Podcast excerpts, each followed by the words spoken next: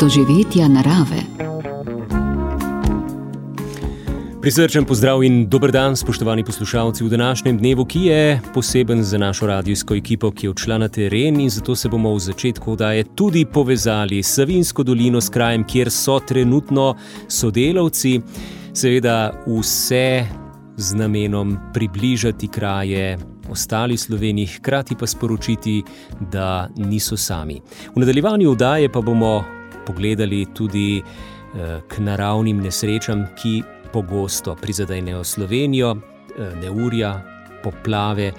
Eh, so nekako najpogostejše, tu so seveda še druge nesreče, potresi, požari, zemeljski plazovi so aktualni in na aktualne poplave v kontekstu ostalih nesreč bo pogledal geograf dr. Blaž Komac. Zdaj le pa za vse planince, slišali smo že večkrat, obisk gora je zaradi posledic poplav zelo omejen, je le na določene dele Slovenije, številne kraje in tudi poti je zasulo, eh, in zato so poti neprehodne.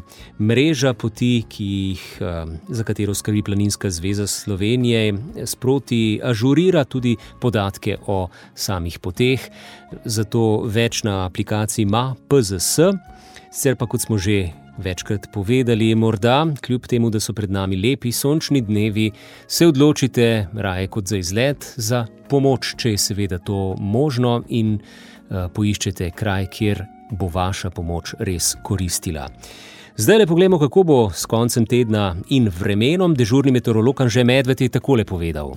Tudi v hribih bo večinoma kar sončno vreme, je pa res, da je v hribih je vedno več po podanskem času, kakšne kopaste oblačnosti, predvsem pa v nedeljo pa je res, predvsem kakna, kakšna nevarnost za nevihte v Alpah.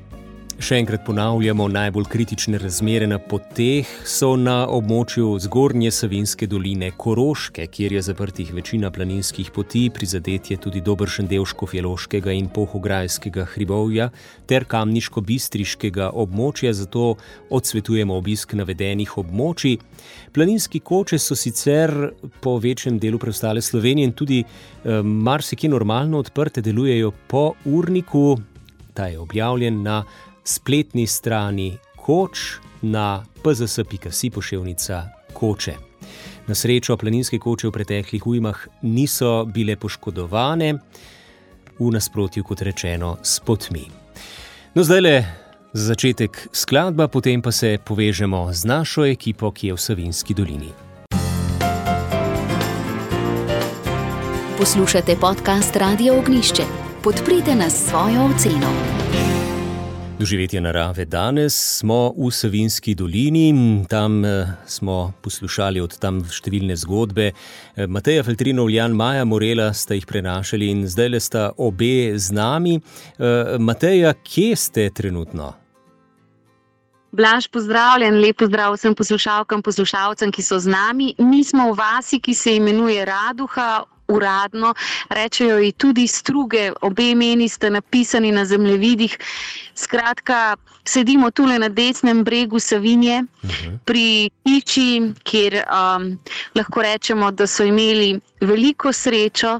Ker je oče ostal živ, in uh, ob tej pokrajini danes doživljamo uh, pravzaprav lepoto na nekaterih kilometrih, potem pa, ko smo prišli sem, smo bili pa vsi objokani in nihče ni ostal um, brez suza v očeh, namreč tu je pa res pravo razdejanje. Um, tu se je Savinja razbesnela, tam, kjer je bila cesta, je potem iz, izbrala svojo strugo.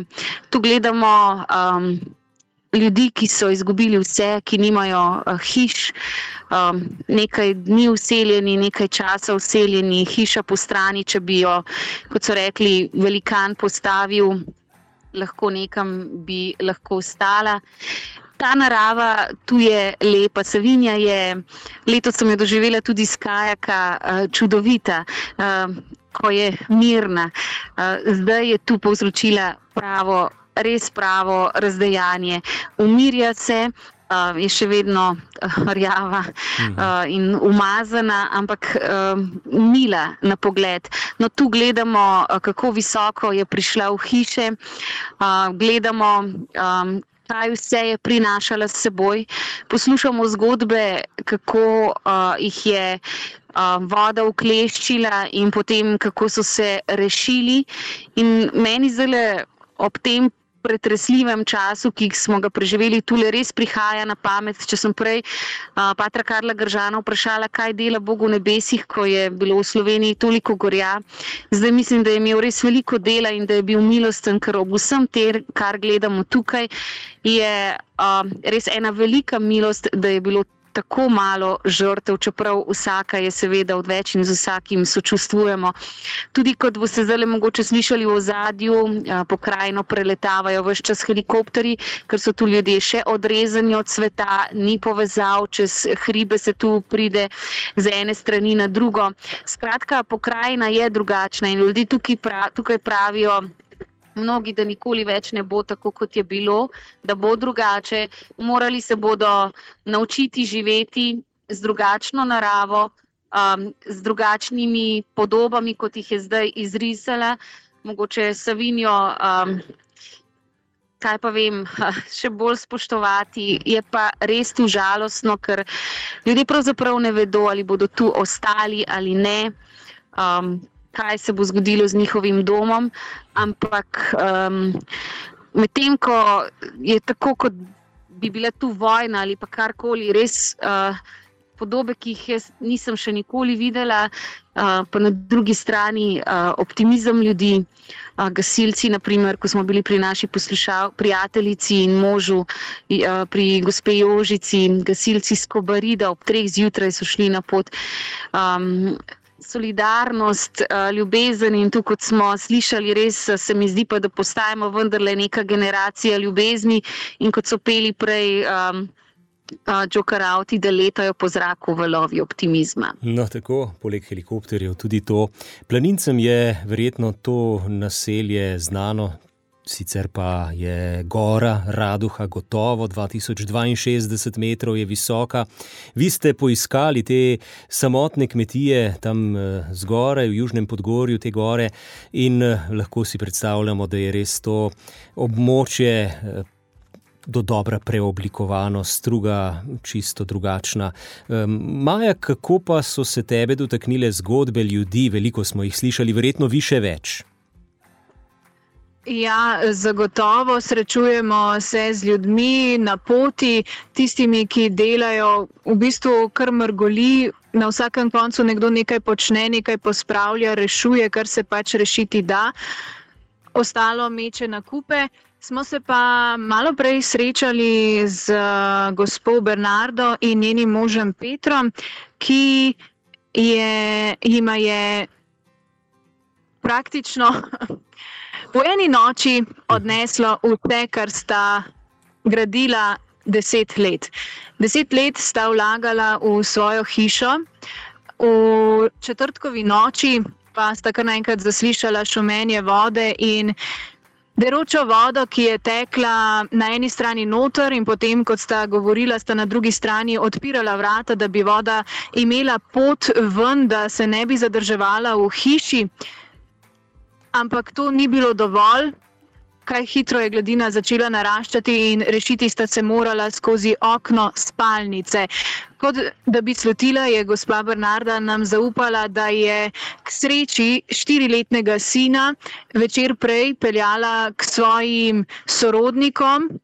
In tako, da sta bila v hiši sama in da sta se lahko rešila, da jim, da jim ni bilo treba skrbeti, vsaj še za to, kje in kako bosta rešila otroka ampak um, potem sta le nemočno opazovala in to je tisto, kar pravite, da je najhuje, ko si ob tej vsej moči narave tako popolnoma sam. In kot nekoliko izgubljen in nemočen, samo opazuješ, lahko stojiš, če se ti posreči na varnem, in opazuješ. Skratka, ne morem pa opisati, kaj se jim je dogajalo, ker je bilo to enostavno pretresljivo in še zdaj ne dojameta, kot sama pravita. In bo preteklo nekaj časa, da bosta to sploh doumela. In tega, kar ni odnesla voda, pa je potem.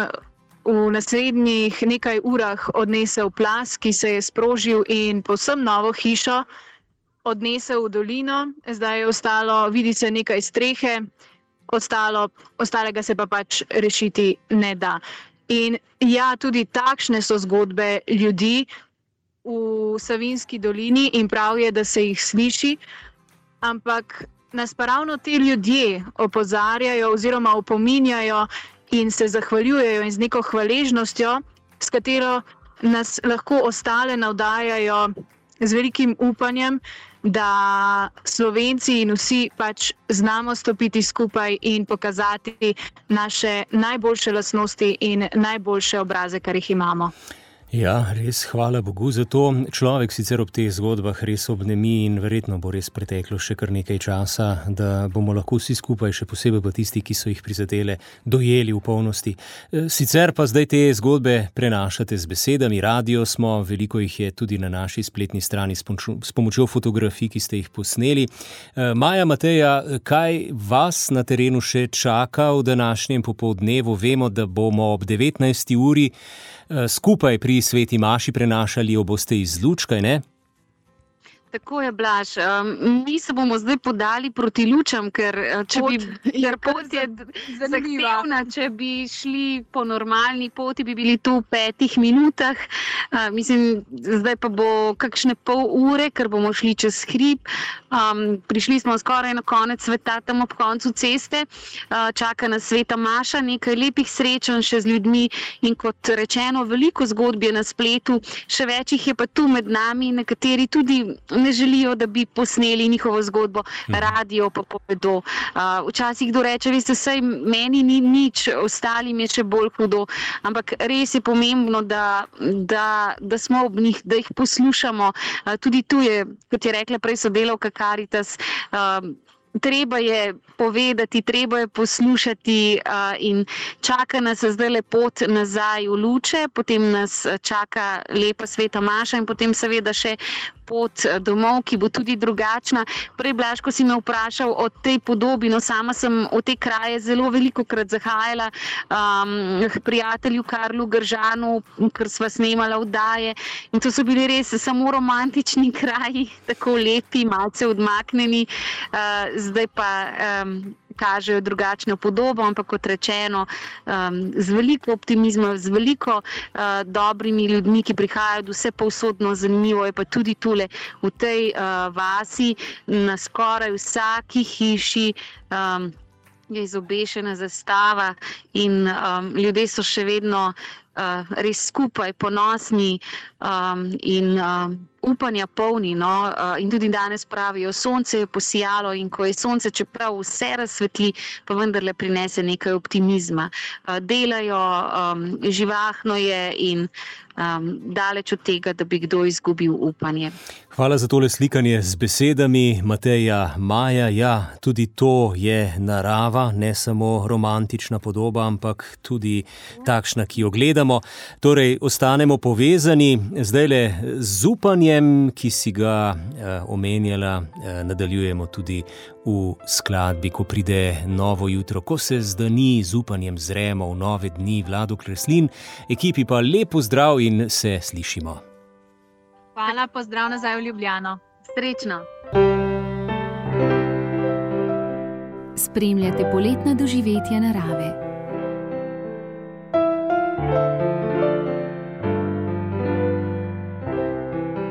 Geograf dr. Blaž Komac je v naši družbi lepo zdrav. Dobar dan. Na Geografskem inštitutu se seveda ukvarjate tudi z naravnimi nesrečami in uh, teh v Sloveniji, če pogledamo v zgodovino, seveda ne manjka, kot tudi drugot, pa vendarle, ali bi lahko rekli, da je Slovenija tudi stališča poplav, kaj posebnega izstopa glede pogostosti, glede uh, količine.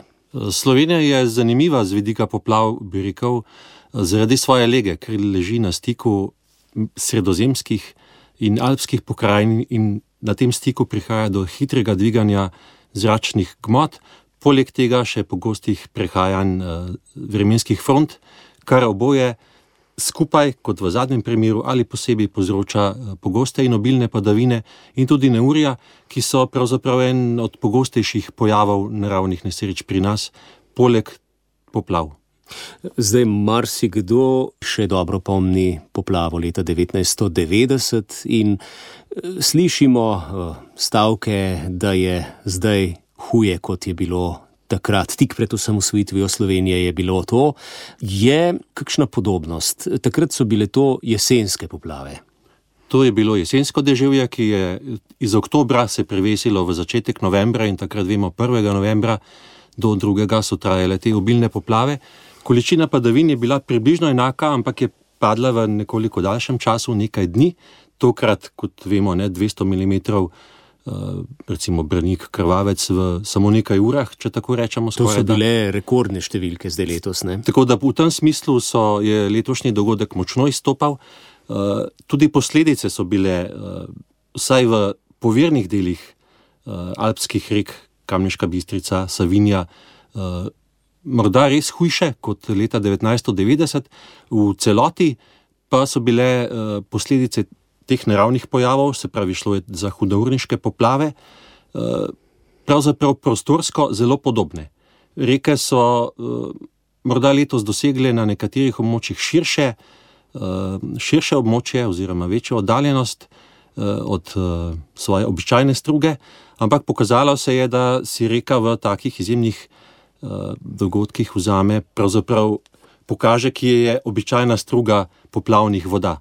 Eh, in žal smo tudi v teh 30 letih, eh, oziroma 40 letih, eh, se v tem času nismo prav veliko naučili, kajti na teh območjih je zraslo veliko novih naselij, novih stanovanjskih stavb, nekatere prav zelo blizu struge, kar je pravzaprav na eni strani dokaz, da zelo hitro pozabljamo, to kažejo tudi raziskave. Po desetih letih, približno polovica prebivalcev za nek dogodek uh, že pozabi, oziroma se, ne, se ga ne spomni uh, takoj. Predvsem pa to ni vplivalo na uh, urejanje prostora v naši državi kot nekako celovit sistem, ki se nekako ni prilagodil. Prav tako pa ni prišlo do prilagoditev pri uh, gradni infrastrukture. Takrat so vsi strokovnjaki, tako kot danes, zatrjevali, ne gradite mostov z uh, stebri sredi struge. In to, kot smo videli, se je pravzaprav izkazalo kot največja težava za uh, dostopnost, ker so se taki mostovi v večji meri podirali kot tisti, ki stebrov nimajo. Uh mhm, -huh, seveda so zadej finance oziroma denar. Uh, kaj pa gradnje, ki so na uh, poplavnem območju in se vsakič ob takšnem dogodku sprašujemo, kako je mogoče, da je do tega prišlo, kljub temu, da je stroka jasno povedala, da tu ne gradite. Mogoče je, ker imajo občine izrecno, oziroma samo one, pristojnost urejanja uh, razvoja stavb, poselitve na svojem območju. Uh, se pravi, v končni fazi, če na kratko rečemo, je tako, kot rečejo in želijo občine. Uh, seveda, nekatere občine imajo takšne, nekatere drugačne želje in pride tudi do pač pozidave um, nevarnih območij, tudi tistih, ki so zelo nevarna in, so, in bi bila pravzaprav gradnja tam prepovedana po zakonu o vodah, uh, ampak se da tudi preko, preko te stopnice z nekimi omilitvenimi ukrepi, ki pa so ponavadi lokalno omejeni. Se pravi, se pri tem ne gleda na celotno porečje, ampak lokalno in rezultanta vseh teh posegov v obvodni prostor uh, je njegova poselitev, lahko rečemo, na nekaterih območjih kar že uh, urbanizacija, recimo spodnja uh, Savinska dolina. Spet pridemo do tega, da če izluščimo samo en del enega območja, ne, je to premalo, pogledati je treba celostno na celotno pokrajino. Ja, naravna nesreča, kot je poplava, nam dokazuje, da je pokrajina in procesi v njej, kar so tudi poplave, eh, zelo kompleksna stvar in ne smemo pravzaprav gledati samo interesov družbe, ampak tudi eh, na naravne procese, eh, ki se tam lahko zgodijo, čeprav so redki. Ne. Pa še nekaj bi omenil, ne, tukaj gre za porazdelitev odgovornosti. Rekli smo, občine so odgovorne za urejanje prostora, upravne enote pravzaprav samo preverjajo, ali je neka stavba zgrajena skladno z, z priporočili ali zahtevami občine. Tako da, ko pride do neke škode, posledic, to nosi ponavadi posameznik. Pa smo spet pri tej celostnosti. Ne? Če je uh, izvračanje krivde drug na drugega, nihče ni na koncu odgovoren. Ne? Poleg tega smo že prej govorili na domestne zgradbe oziroma stavbe. Tudi tu, uh, če nekdo obnovi nek ne vem, razpadajoč mlin. Ki je že stal tam. Ne ja, tu, nekaj imamo tudi takih primerov, ko je na mestu nekdanjega mlina stanovanska stavba. E, življenje, delo v mlinu je bilo prilagojeno na pogoste poplave, ne, moramo reči. Stanovanska stavba na istem, tem istem mestu s sodobnim načinom življenja pa nekako ni ali je zelo težko, eh, ne more biti, biti prilagojena eh, in seveda pogosto prihaja do, eh, do vrstnih težav. Poslušate podcast Radio Ognišče. Podcast Radio Ognišče. Spremljate poletne doživetja narave. Dr. Blaž Komac z Geografskega inštituta Antona Melika je danes gost doživeti narave. Eh, Ustaviva se še malo pri tem hudourniškem tipu poplav. Eh, ljudje se, ko gledajo, gledamo to opustošenje in pa tudi še veliko količino vode, ki si poišče svojo pot res eh, na nepredstavljivih delih površja, sprašujejo, kako je mogoče, da do takšnih poplav, do takšne količine vode sploh pride. Torej, hudourniki, hudourniški tip poplav, zakaj gre? Gre za zelo uh, močan naravni pojav, ki nastane zaradi obilne pad, eh, količine padavin v zelo kratkem času. To je kar pogosto, bi rekel, za naše kraje. Hudourniške poplave se pri nas pojavljajo tam od avgusta dalje, se pravi, nekako z njimi vstopamo v jesen, bolj v pozne jeseni pa prevladajo poplave ciklonskega tipa, se pravi, daljšega deževja kjer eh, bolj naraščajo uh, gladine večjih rek. Pri hudourniških poplavah ni toliko problem sama voda, ki je močna, udarna, ampak voda hitro teče. To, da hudourniške poplave, zlasti večje, kot so uh, bile te sedaj, avgusta letos, uh, prinesejo seboj v zelo kratkem času tudi ogromne količine materijala, povezane so tudi s proženjem plazov in pravzaprav gre za kombinacijo tokov vode in sedimentov, se pravi grušča peska, eh, ki pravzaprav eh, še bolj kot sama voda onemogoča delovanje življenja tudi za daljši čas v eh, povirjih, oskih dolinah, lahko rečemo gorskih ali predgorskih rek, uh mhm. -huh. ki so pri nas poseljene. In pravzaprav ti sedimenti, kot smo videli, onemogočajo dostop kar za nekaj dni, kljub vsej tehnologiji in mehanizaciji, mm -hmm. ki jo imamo. Ja, res so ljudje pravzaprav prepuščeni sebi. Tako ali pa celo z zemljskimi plazovi ogrozijo mm. življenja. Ampak, eh, če spet primerjava poplave iz leta 1990, spet te so bile v jesenskem času, torej ciklonske. Ali hudourniške. Takrat je šlo bolj za ciklonske poplave, tudi uh mhm. -huh. prostorsko razsežnejši pojav, se pravi celotne, celotno območje od Kamniško-Savilskih Alp, eh, Karavank, uh, proti vzhodu do jugovzhodne Slovenije.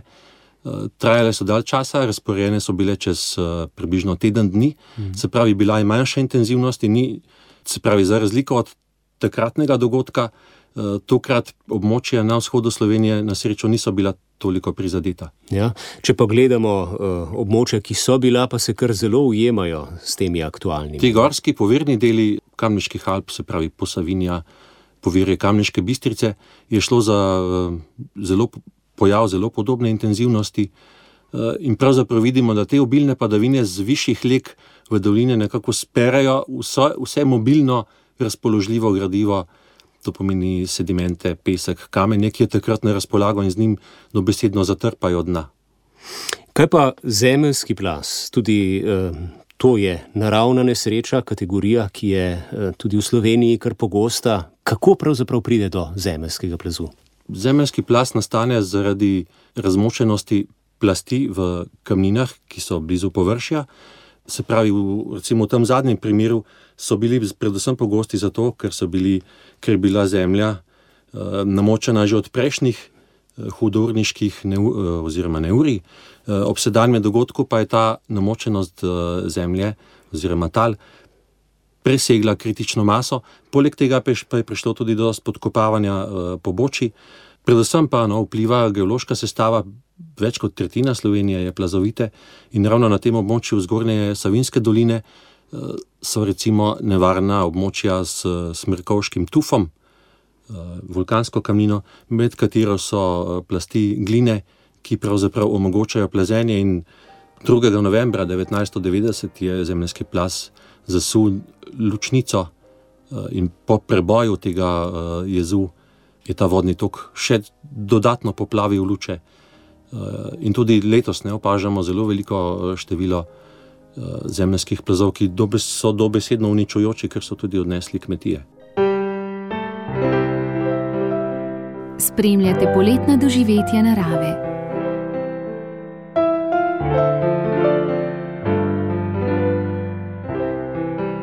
O naravnih nesrečah, natančneje zdaj aktualnih poplavah, govoriva z dr. Blažem Komacom z Geografskega inštituta. Škodni primeri, tudi vanje ste se poglobili, čisto konkretni primeri, kdo in kako reši potem tak škodni primer. Mogoče greva k kakšnemu konkretnemu primeru. Ja, v našem rekel, pregledu nismo obravnavali škodnih primerov zavarovalniškega tipa, ampak smo se ozrli na to, kaj so obravnavala ali prečevala slovenska sodišča. Ugotovili smo, da, so, da je bilo do sedaj na slovenskih sodiščih nekaj deset takih primerov. Recimo, morda, če izpostavim dva, ki sta javno objavljena in znana. Prvi je recimo zdravilišče ob reki Savini, kjer je bilo pred gradnjo jasno, da bo pač gradnja na poplavnem območju. S posebnim dovoljenjem, z uredbo vlade, je bila ta gradnja v obvodnem pasu reke Savine dovoljena, in dve ali tri leta po gradnji je bila uh, stavba zdravilišča poplavljena. Povedati je treba, da je bila stavba nekako prilagojena morebitnim poplavam, se pravi, spodnji del je bil parkirišče, ki ga voda lahko poplavi in oteče, ampak vseeno je seveda prišlo do škode, ker so uh, bili poplavljeni tudi nekateri drugi deli. Drugi primer pa je uh, gradnja stanovanjske stavbe, to je pa bilo v Logatcu, kjer so ravno tako zgradili uh, z dovoljenjem občine, oziroma občina je v svojem prostorskem načrtu dovolila gradnjo uh, na tem območju, stanovanjsko hišo. Prodajalec uh, te hiše kupcu ni povedal, da je stavba na poplavnem območju, in čez nekaj let uh, je prišlo do poplav, prišlo je do tožbe, in kupec je, mislim, da tožil upravno enoto. Ker mu je pač izdala gradbeno dovoljenje. No, sodišče je ugotovilo, da upravna enota pravzaprav ni odgovorna za, bi rekel, to škodo oziroma ta, ta dogodek, kajti upravna enota samo preverja, ali je gradbeno dovoljenje skladno z, z OPN-jem, se pravi prostorskim načrtom občine. Občina je v Sloveniji pristojna za urejanje prostora in pravzaprav v danih mejah, kakorkoli se to preverja, lahko pač uh, usmerja poselitev na svojem območju, in v tem primeru je dovolila uh, poselitev na tem območju. Uh, tako da v končni fazi pač upravna enota ni bila spoznana kot kriva, kar sicer je kot ustanova tudi imuna, podobno kot uh, občina, ima pravno imuniteto. Uh, tako da na koncu je pač strošek, bi rekel, uh, svoje slabe odločitve, ne na zadnje, ne, tega tudi on ni preveril, uh, nosil kupec sam. Ja. In to se tudi v, na globalni ravni opažamo, se rekel, preučevalci teh uh, primerov opažajo, da se ta odgovornost prenaša z višjih na vedno nižje ravni, oziroma do posameznika. Uh, in tukaj se pravzaprav v naši državi gotovo mora odpirati prostor za večji vstop zavarovalnic. Uh, ne, se smo slišali podatke v zadnjih dneh, da je komaj 60 odstotkov stavb zavarovanih za naravne nesreče. Res je, ja. in na koncu marsikdo ne bo dobil.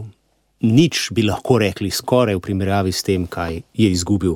Kaj bi se lahko iz tega naučili? Se pravi, tudi globalno, tudi drugod po svetu je ta trend prenašanja na čisto najnižjo raven, če rečemo tako, do kupca samega. Ja, v, v tem primeru situacija je taka, kot je v Sloveniji. Gotovo je dober odziv države, se pravi, da se posameznikom najprej pomaga, potem pa bo treba zelo, bi rekel, ko pač rešimo, rekel, problem tisočev, ne, ki so ostali brez, brez doma. Torej, ta najbolj akutni problem ja. in da imajo potem spet streho nad glavo.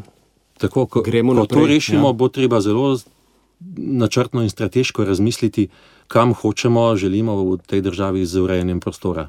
Vedno znova iste ugotovitve ob koncu takih velikih naravnih nesreč. Vprašanje pa, kdo se bo še spomnil teh ugotovitev čez, ugibajmo, pol leta, leto, dni. Za konec, eh, dr. Blaž Komac, še o atlasu naravnih nesreč, ki je pravzaprav, lahko rečemo, tik pred izdajo, namenjen bo splošni javnosti, lahko v nekaj besed. Ja, na Geografskem inštitutu eh, pripravljamo geografski atlas naravnih nesreč v Sloveniji. Išel bo novembra in bo prikazoval eh, vse pomembnejše naravne nesreče v Sloveniji, tako njihove eh, lokacije, kjer so se do sedaj zgodile, oziroma se lahko zgodijo, pomeni, da obstaja možnost njihovega nastanka kot tudi, in to se mi zdi pomembno, ne, kot smo prej omenjali, z vidika ohranjanja spomina na dogodke, dogodke, o katerih so poročali mediji v zadnjih, lahko rečemo, 150 letih. Torej, namen je gotovo ozavestiti. Splošno javnost, Tako. vsak bo imel dostop in sam pobrskal za tistim, kar ga zanima. Spoznal domačo pokrajino, morda z očesom digitalnim segel uh, čez bližnji hrib in se pozanimal predvsem o tem, v kakšnem okolju živi in kateri naravni procesi pravzaprav ga obdajajo, ki so ponavadi počasni, kot smo videli v teh dneh, pa lahko zelo hitri, intenzivni in tudi uničujoči. Uh mhm, -huh, torej, pred premiero, zdaj leži najava, ko uh, bo Atlas dostopen, spregovorimo podrobneje. Za danes pa najlepša hvala in vse dobro. Prosim, enako.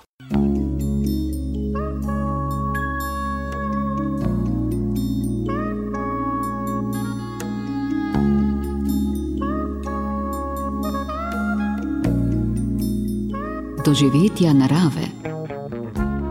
S podobami visokih in podivjanih voda se danes poslavljamo, tudi to je narava. Danes je naša ekipa v Savinski dolini, jutri odhaja na kamniški konec in zato ob koncu današnje oddaje informacija, podatek, ki ga verjetno poznate.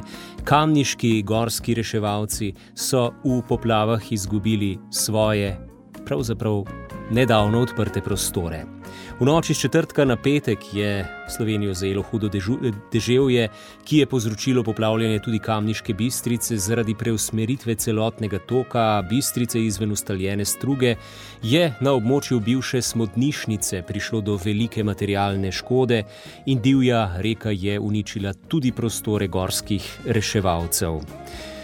S takojšnjo pomočjo društev Gorske reševalne zveze in pa uh, gasilcev v Kamniku, ki so velikodušno odstopili prostor za delovanje, so bili gorski reševalci vse čas upeti v vse dejavnosti zaščite in reševanja. In zdaj, ko so se razmere nekoliko umirile, je naslednji korak eh, obnova uničenega objekta, so zapisali kamniški gorski reševalci, pri čemer jim lahko tudi pomagamo. Torej, zbirajo sredstva, donacije za obnovo svojih prostorov. Eh, tekoči račun, na katerega lahko nakažete svoj dar, so objavili na svojih spletnih straneh. Andrej Nuljan in Blaž Lesnik sva bila v današnjih doživetjih z vami in želiva vse dobro, predvsem tistim, ki pomagate, pazite na se. V naslednjih dneh vroče bo, kot slišimo, zato poskrbite tudi za zaščito pred soncem. In uh, naj morda kakšen lep planinski izlet počaka, gore bodo počakale, vsekakor, kot rečemo. Srečno, varen korak vsem. Naročite se na podcast oddaje. Storitev je brezplačna. Radio.